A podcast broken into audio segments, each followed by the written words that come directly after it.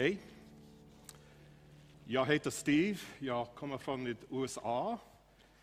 Min fru Kristina kommer från Finland. Hon pratar mycket bra svenska, jag inte. Uh, ja, vi är miss, missionärer i Tyskland, and that's as far as it goes for me. Um, Sen kan han inte mer. We, we're involved with um, church health, church revitalization in Germany, in Austria, and Switzerland. Vi jobbar med församlingsförnyelse i Österrike, Schweiz och Tyskland och med att, ja, att församlingar ska bli friska, hälsosamma. Our focus is to help churches, Christians, become healthy and discover God's purpose for their lives. Vår fokus är att församlingar och enskilda kristna ska bli friska, hälsosamma i sin tro och upptäcka det syfte Gud har för dem. Because healthy Christians and healthy churches will have a positive impact on their communities. För människor och församlingar som är friska kommer att påverka sin omgivning på ett positivt sätt. And we're grateful to be here in Eskilstuna. Vi är glada att vi kan vara här i Eskilstuna. We are friends with your pastor, Ruth and Kalle Hasselgren. Vi är goda vänner med pastor Ruth och Kalle Hasselgren. I married them. Jag vigde dem. So uh, don't blame me. Så skyll inte på mig. So I just want to share a few thoughts with you this evening. Jag vill dela några tankar med er ikväll. I know that every day during the week there's prayer going on in this church. Jag vet varje dag under veckan så finns det bön som, ja, så, så ber man i den här församlingen. People are praying for personal needs. Man ber för personliga behov. They're praying for this city and for this country. Ber för den här stan och för det här landet. They're praying that, that God will work among his people to, to do great things in this country. Och man ber att Gud ska verka bland sitt folk för att göra stora saker här. And this meeting this evening is also meant to be a time of prayer. Och den här samlingen ikväll handlar också om bön. But maybe a few of the thoughts that I share will help us focus in on some important things for our lives. Men kanske en del av de tankarna jag delar kan hjälpa oss att fokusera på viktiga saker i våra liv. I cannot remember a year in all of my life quite like this year 2020. Jag kan inte komma ihåg ett enda år under mitt liv som har varit som det här året 2020. I've been in a few countries already this year. Jag har varit i olika länder än det här året. From America to Germany to Northern Europe. Från Amerika till Tyskland till Norden. And things are quite chaotic. Och det är rätt så kaotiskt. The main thing that everybody's talking about is the coronavirus. Alla pratar om corona. And all the major health issues that this has brought to just about every country in our world today. Och alla ut, hälsoutmaningar som det här viruset har orsakat i alla länder. Many people have gotten sick. Många har blivit sjuka. Many people have lost loved ones through this sickness. Många har förlorat nära anhöriga genom det här viruset. But the, the problems go beyond the health issues. Men problemen går ju vidare än bara hälsosaker. There's the economic issues that have resulted from COVID. Det har blivit ekonomiska problem på grund av covid. Social problems going on in many countries. Sociala problem i många länder. And even the relational issues that some people are just afraid to be around other people. Också på relationer har det en, en inverkan för folk är rädda att vara tillsammans med andra människor. There's all kinds of anxiety and fear. Det finns så mycket ängslan och fruktan. And amidst all of this noise and all of this chaos and all these problems, Och mitt ibland all det här oljudet, den här kaosen, allt som händer, I believe God is still wanting to speak to us. så tror jag att Gud fortfarande vill tala till oss. And the question is, are we hearing his voice? Frågan är, hör vi hans röst? God has some special things that he would like to share with us, Gud har speciella saker han vill dela med oss, especially his church. med hans församling. Because his church has an opportunity to be a blessing today more than I could ever remember. För hans församling har i dagens läge en möjlighet att vara till välsignelse mer än någonsin förr. Now, there's a story in the Old Testament that I think can help us understand this situation. Det finns en berättelse i Gamla Testamentet som jag tror kan hjälpa oss förstå det här.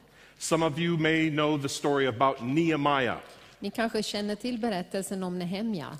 His story describes how important it is to discover God's purpose and to follow God's leading. Hans berättelse talar om för oss hur viktigt det är att vi upptäcker Guds syfte och att vi följer hans ledning. especially in challenging times like these. Speciellt när det är utmanande tider som just nu. Let's look at Nehemiah's life. Ska vi titta på Nehemias liv? Who was this man? Vem var denna mannen? It says in, in, at the end of chapter 1 that he was the cupbearer to the king of Persia, the mightiest man on the face of the earth. I slutet på första kapitlet står det att han var munskänk till kungen i Persien. Det var den mäktigaste, mäktigaste mannen i världen på den tiden. Now, we don't have this job anymore, cupbearer. Munskänk, det är ju inget yrke som vi har idag. But basically, you could say Nehemiah was the head of the kitchen staff for the palace. Men vi kunde säga att han var chef för kökspersonalen på hovet. He was responsible for all the food and drink that went to the king, the royal family, and the royal court. Han var eh, ansvarig för all mat och dryck som serverades till den kungliga familjen och till hovet. It was a great job. Det var ett fantastiskt It arbete, was an important position. en viktig position. And he had a lot of responsibility and needed a lot of trust. Han hade stort ansvar och han behövde stor tillit. Now, we're going to read chapter 1 here in a moment. Vi ska läsa kapitel, första kapitlet om en liten stund. And this chapter starts in the month of November, December of about 445 BC. Den här, det här kapitlet börjar i november, december året 445 före Kristus. Right in the middle of, of the king's reign. I mitten av eh, regeringstiden för den här kungen. And by the end of chapter 1, four months go by. Och till slutet på första kapitlet så hinner fyra månader gå förbi. And it's interesting that the Hebrew exile, the, Nehemiah was a Jew and he's in Persia. What's he doing there? Nehemja var ju en jude och nu finns han i Persien. Vad gjorde han där? About 150 years before this, the children of Israel were living in disobedience to God. Ungefär 150 år tidigare så levde Israels folk i olydnad. And God sent prophets to them to warn them, come back to God. Gud sände profeter som varnade dem och bad dem komma tillbaks till Gud. But they didn't listen. Men de lyssnade inte. The people just wanted to do their own thing. De ville gå sin egen väg. Don't tell us what to do. De talade inte om för oss vad vi ska göra. And they suffered the consequences. Och så fick de lida av konsekvenserna. The Babylonians came in and defeated them and took them into exile. Babylonierna kom, erövrade dem och tog med dem i fångenskap. They were in exile for 70 years, Och de var i fångenskap under 70 år, away from their homeland. bort, bort från sitt hemland. But then the Persians defeated the Babylonians and allowed the Jews to go back home. Men sen kom den persiska kungen och erövra, eller vann över babylonierna och lät, den persiska kungen lät judarna gå tillbaka till sitt hemland. That was in 538 BC. Det var år 538 före Kristus. And this story takes place in 445 BC. Och den här berättelsen börjar år 445 efter Kristus, äh, means- innan Kristus. That means a lot of Jews chose to stay in Persia instead of going home. Det betyder många av de här judarna de valde att stanna i Persien och inte gå tillbaks hem. Because life became good for them. För livet där var bra. They had homes and families and businesses, and so life was good. De hade hus, de hade startat firmor, de hade jobb. Livet var bra. And this is where we find Nehemiah. Och här hittar vi Nehemja. Nehemiah was a Jew, Han var en jude, but he was most likely born in Persia. men han var förmodligen född i Persien. He probably had never visited his home country or visited Jerusalem. Han hade förmodligen aldrig besökt sitt hemland eller Jerusalem. He knew their culture, he knew th- their history, Han kände till deras kultur och deras historia. but he did not realize how it was going for his people back home in Israel. Men han visste inte hur det gick för hans landsmän som var tillbaks i Jerusalem. until some of his relatives came and gave him a report. Tills några av hans släktingar kom och gav honom en rapport. I'm going to have Christina read the 11 verses of chapter 1. Jag ska läsa de elva första verserna. And as she reads, Och när hon läser, look for four principles titta efter fyra principer that helped Nehemiah and can help us today in discovering God's purpose and plan for our lives. De hjälpte Ne- Nehemja att hitta Guds syfte och plan för hans liv och de kan hjälpa oss idag. Nehemja, Hakaljas sons berättelse. Det hände i månaden Kisle vid det tjugonde året när jag var i Susasborg att Hanani, en av mina bröder och några andra män kom från Juda. Jag frågade dem om judarna, de som räddats och som fanns kvar efter fångenskapen, om Jerusalem. De sa till mig, de som är kvar efter fångenskapen befinner sig i provinsen. De lider stor nöd och vanära, och Jerusalems mur är nedriven och portarna är nedbrända. När jag hörde det satte jag mig ner och grät. Jag sörjde i flera dagar och fastade och bad inför himlens Gud. Jag sa, O Herre, himlens Gud, du stora och fruktansvärde Gud som håller fast vid förbundet och ger nåd åt dem som älskar dig och håller dina bud. Låt ditt öra lyssna och dina ögon vara öppna så att du hör, min, så du hör din tjänares bön. Dag och natt ber jag till dig för Israels barn, dina tjänare, och be- bekänner de synder som vi, Israels barn, har begått mot dig. Även jag och min faders hus har syndat. Vi har syndat mycket mot dig och inte hållit fast vid dina bud, stadgar och lagar som du gav åt din tjänare Mose. Men tänk på det ord som du gav din tjänare Mose när du sa, om ni är trolösa ska jag skingra er bland folken. Men om ni vänder om till mig och håller fast vid mina bud och följer dem, då vill jag, även om ni vore fördrivna till himlens ände, samla er därifrån och föra er till den plats som jag har utvalt för att låta mitt namn bo där. Det är dina tjänare och ditt folk som du har befriat genom din väldiga kraft och din starka hand. O Herre, låt ditt öra lyssna till din tjänares bön och till dina tjänares, din tjänares bön, det som har sin glädje i att frukta ditt namn. Låt din tjänare ha framgång idag och låt honom finna barmhärtighet inför denne man. Jag var då munskänk hos kungen. As you read along with Christina, När du följde med den här texten som jag läste you can tell that Nehemiah took this situation very seriously. Så ser du att den här situationen, Jeremia tog det verkligen på allvar. There were many other Jewish people who heard this same report, Det fanns många andra judar som hörde samma berättelse, samma rapport. but they saw that Nehemiah, he, he's, he's taking this very seriously. Men vi märker att Nehemia, Nehemja tog det här verkligen på allvar. He says, Nehemiah, you're only one person. What can you do to help our people?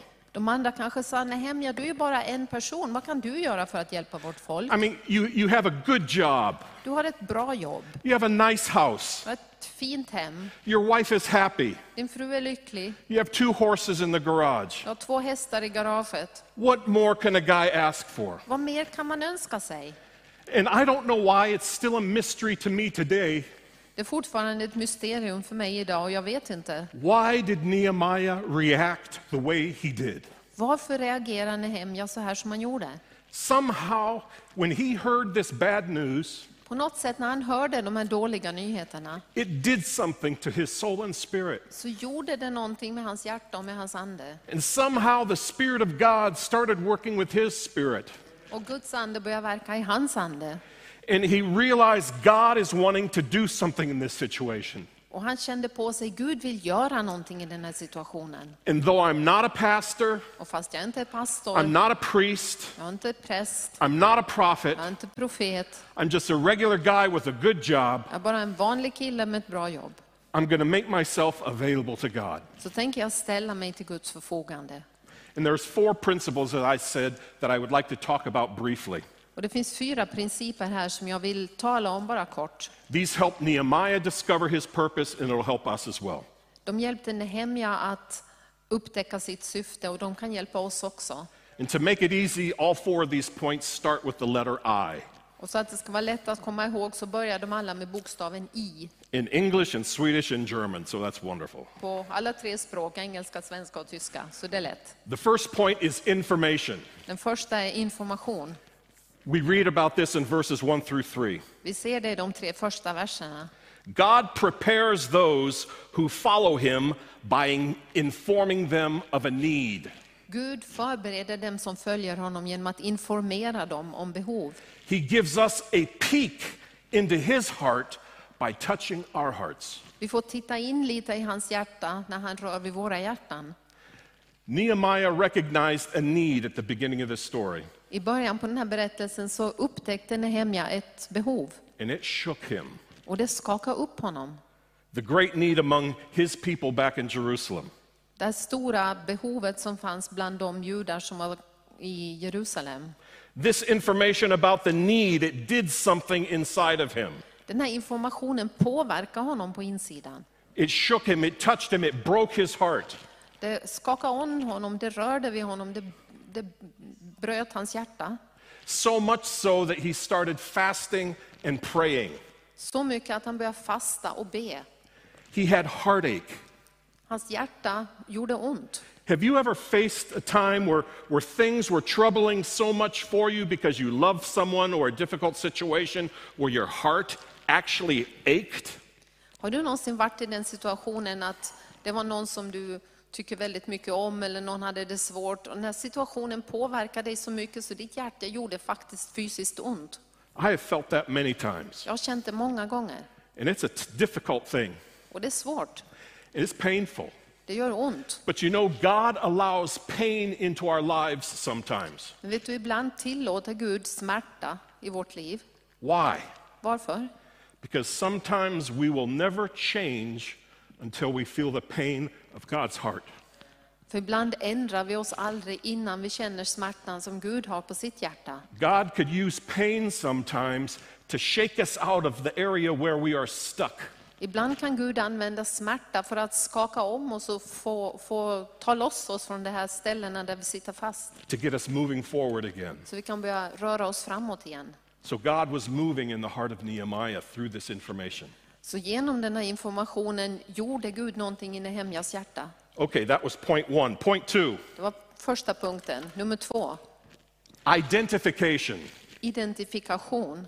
God wants us to identify with Him and His heart for people.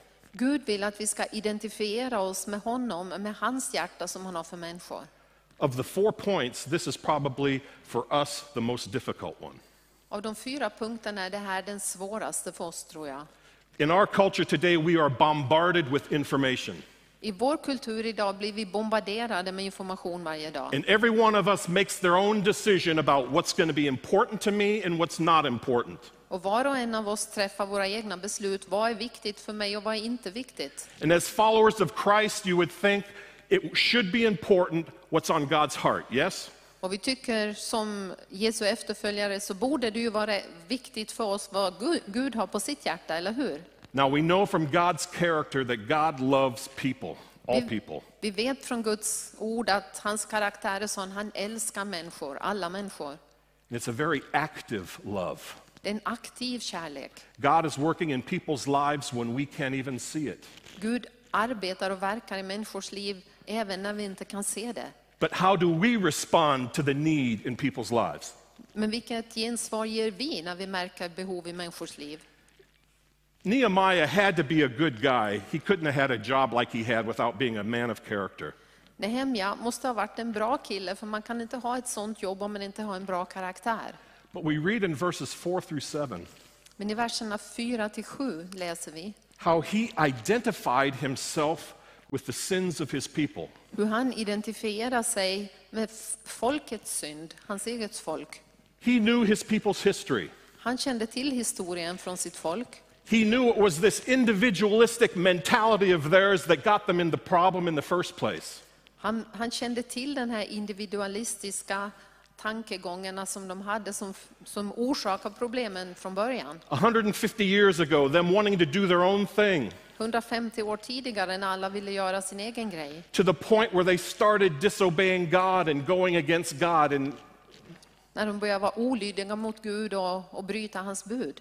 and he realized that even now, in his day, 150 years later, that that tendency was still in his heart and the hearts of his people. Och han märkte nu, 150 år senare, att samma tendens fanns i hans hjärta också. And he realized, man, I'm guilty of the same problem. Och han tänkte, jag är skyldig precis som de andra. And at the same time, he knew God wants to renew his heart and the hearts of his people. Och han visste, Gud vill förnya mitt hjärta och han vill förnya folkets hjärta. God wants us to be in tune with him. Gud vill att vi ska vara inställda på hans våglängd. But oftentimes, it takes steps of repentance to get us back in line with God. Men ofta krävs det att vi omvänder oss och tar steg i rätt riktning mot Gud. Do we, as followers of Christ, see sometimes how far we drift away from God? Märker vi som Jesu efterföljare hur, hur långt bort vi har drivit iväg ibland? We need to turn around. Vi behöver vända om. Following Jesus is a daily choice, it's not a one time choice in our life. Att följa Jesus är ett beslut som vi fattar dagligen, inte bara en gång någon gång för länge sedan. Do we identify with his purpose? Identifierar vi oss med Guds syfte? So, first point was information, Första var information, then identification. sen identifikation. And if we choose to identify with God and his purposes, Om vi väljer att identifiera oss med Gud och hans syfte, and the choice is ours, och det, det är vårt val, det kan vi träffa. if we choose God, Om vi väljer Gud we nu- move to point three inspiration. så går det vidare till punkt tre, inspiration. God wants to inspire us again for his plan and purpose. Gud vill inspirera oss igen för hans plan och för hans syfte. This we read in verses 8 through 10. Det läser vi i verserna 8 till 10. God spoke through Moses, Gud talar genom Mose, and he says, If you come back to me and keep my commands, sa om ni vänder om och kommer tillbaks till mig och håller mina bud, then I will. då ska jag. We all love God's promises, right? Vi älskar alla Guds löften, eller hur? We love God's promises, Vi gillar dem. but his promises are conditional. Men hans löften har eh, ett villkor. Everybody doesn't get his promises, Alla får inte de här löftena. Just those who choose to follow him and obey him. Bara de som väljer att följa honom och, och leva för honom. And if we do that, God's promises stand ready for us, Men när vi gör det, då finns Guds löften där för oss. and they are many. Och det finns många löften. And it's wonderful to live in the blessings of God, Och det är underbart att leva i Guds välsignelse. but you have to be in God's purpose to do that, to get that. men för att få det så behöver du leva i Guds syfte. God has promised us through His Word what He would do for us if we will completely align ourselves with Him. Gud har lovat oss i sitt ord vad han gör för oss när vi, när vi rättar oss efter honom. I've seen it. He provides new hope, new excitement, new motivation. Han ger nytt hopp, ny motivation, ny glädje. There's just no substitute for God's presence. Det finns inge, ingen ers, man kan inte ersätta Guds närvaro. And if you're desiring to see what Jesus wants to do through your life, Om du vill se vad Jesus vill göra genom ditt liv, start moving in His plan. börja gå i hans plan. Last point Sista punkten. information, Information, identification, identifikation, inspiration, inspiration, and now investment. investering. This we find in verse 11. Det ser vi i vers 11. God's purposes in us create a willingness to invest more into His kingdom. Guds syfte i oss, när det lever i oss, så gör det oss villiga att investera oss för det. It's now about four months later after Nehemiah heard the bad news. Det är nu fyra månader sedan Ne- Nehemja hörde de här dåliga nyheterna. And Nehemiah is saying to God, Och han säger till Gud, Hear my prayer. hör min bön. Nehemiah recognized something. Nehemja hade upptäckt någonting. He didn't see all of God's plan for his life or for the Jews, Han, han hade inte sett hela Guds plan för hans liv eller för judarna. but a plan for the next step was starting to formulate in his heart and mind. Men i hans hjärta och i hans sinne så började en plan ta form för det nästa steget. And he was mustering enough courage to take that first step. Och han samlade allt sitt mod för att ta det här första steget. God works on us also Gud arbetar i oss också, so that we will want to invest in his purposes. så att vi vill bli villiga att investera för hans syfte. What are we prepared to invest? Vad är vi beredda att investera? Oftentimes, when we talk about investment, we think of pengar, money. När vi hör om att investera så tänker vi först ofta på pengar. But probably one of the most valuable things we have is our time. Men en av de viktigaste eller mest värdefulla sakerna vi har är vår tid. What about our talents and abilities? Eller våra talanger, våra förmågor. There's not a person here or out there on, watching on TV that does not have some kind of a talent or ability or gift from God. Det finns ingen människa som sitter här eller som sitter framför skärmen och tittar som inte har gåvor och talanger som Gud har lagt ner i er. And God has given us those things to be a blessing. Och Gud har gett oss de här gåvorna för att vi ska vara till välsignelse. How are we using those? Hur använder vi dem? God blesses His work and His purposes. Gud välsignar sitt ord och sitt syfte. Our calling is to start moving more in His plan. Och vår kallelse är att vi börjar röra oss i hans plan. Nehemiah lived according to these four principles. Nehemja levde eh, enligt de här fyra principerna. And this is when his adventure just started. Och då börjar hans äventyr. What happened as a result? Vad hände som resultat av det? Well, if Pastor Kali invites me to come back, maybe I'll share part two with you. Kanske om pastor Kalle bjuder in oss och komma tillbaka så får ni höra del två. I just want to leave a couple questions with you. Jag vill lämna några frågor med er. Where are you in this process of discovering your purpose? Var befinner du dig i den här processen att upptäcka ditt syfte? Do you know what God would like to do with your life and in your life? Vet du vad Gud vill göra med ditt liv och genom ditt liv? As a church, do you know where you are? You know what you should be doing. Som församling, vet ni vad Gud vill att ni ska göra? God stands ready even tonight to help you discover those treasures that He's placed within you as a person and as a church. Gud är redo ikväll också att hjälpa dig, hjälpa er, se de här talangerna, de här gåvorna han har lagt ner i var och en. Let's pray. Ska vi be. Lord, thank you for being here. Herre, tack att du är här. Thank you for being interested in us. Tack att du är intresserad av oss. And thank you that you are almighty and very creative. Tack att du är allsmäktig och väldigt kreativ. And you are willing and wanting to work in us, your children. Och du vill verka i oss, i dina barn. We are part of your church, Lord. Vi är del av din församling, Herre. And I pray that as we think about these points that Nehemiah experienced, Och jag ber att när vi tänker på de här punkterna som Nehemja upptäckte, I pray that the Holy Spirit will bring those truths home to each and every individual as well. så ber jag att den heliga Ande låter de här sanningarna gå djupt ner i hjärtat. Break through all the noise and distractions of this life, Lord, Att du bryter igenom alla de här sakerna som vill blanda bort oss och distrahera oss i livet. and help us to take time to listen to your Holy Spirit speak. Hjälp oss att ta tid att lyssna till din heliga Ande tala till oss. You want to tell us some good things, and you have some good things for us. Du har goda saker du vill tala till oss om och du har goda planer för oss. They will be challenging things, Det kanske blir utmaningar, but we will never regret when we step out in faith with you. men vi kommer aldrig att ångra när vi tar steg i tro och följer dig. Work miracles among us and through us in Jesus' name. Jag ber att du verkar under i och genom oss, i Jesu namn. Amen. Amen. Good Zegnadean.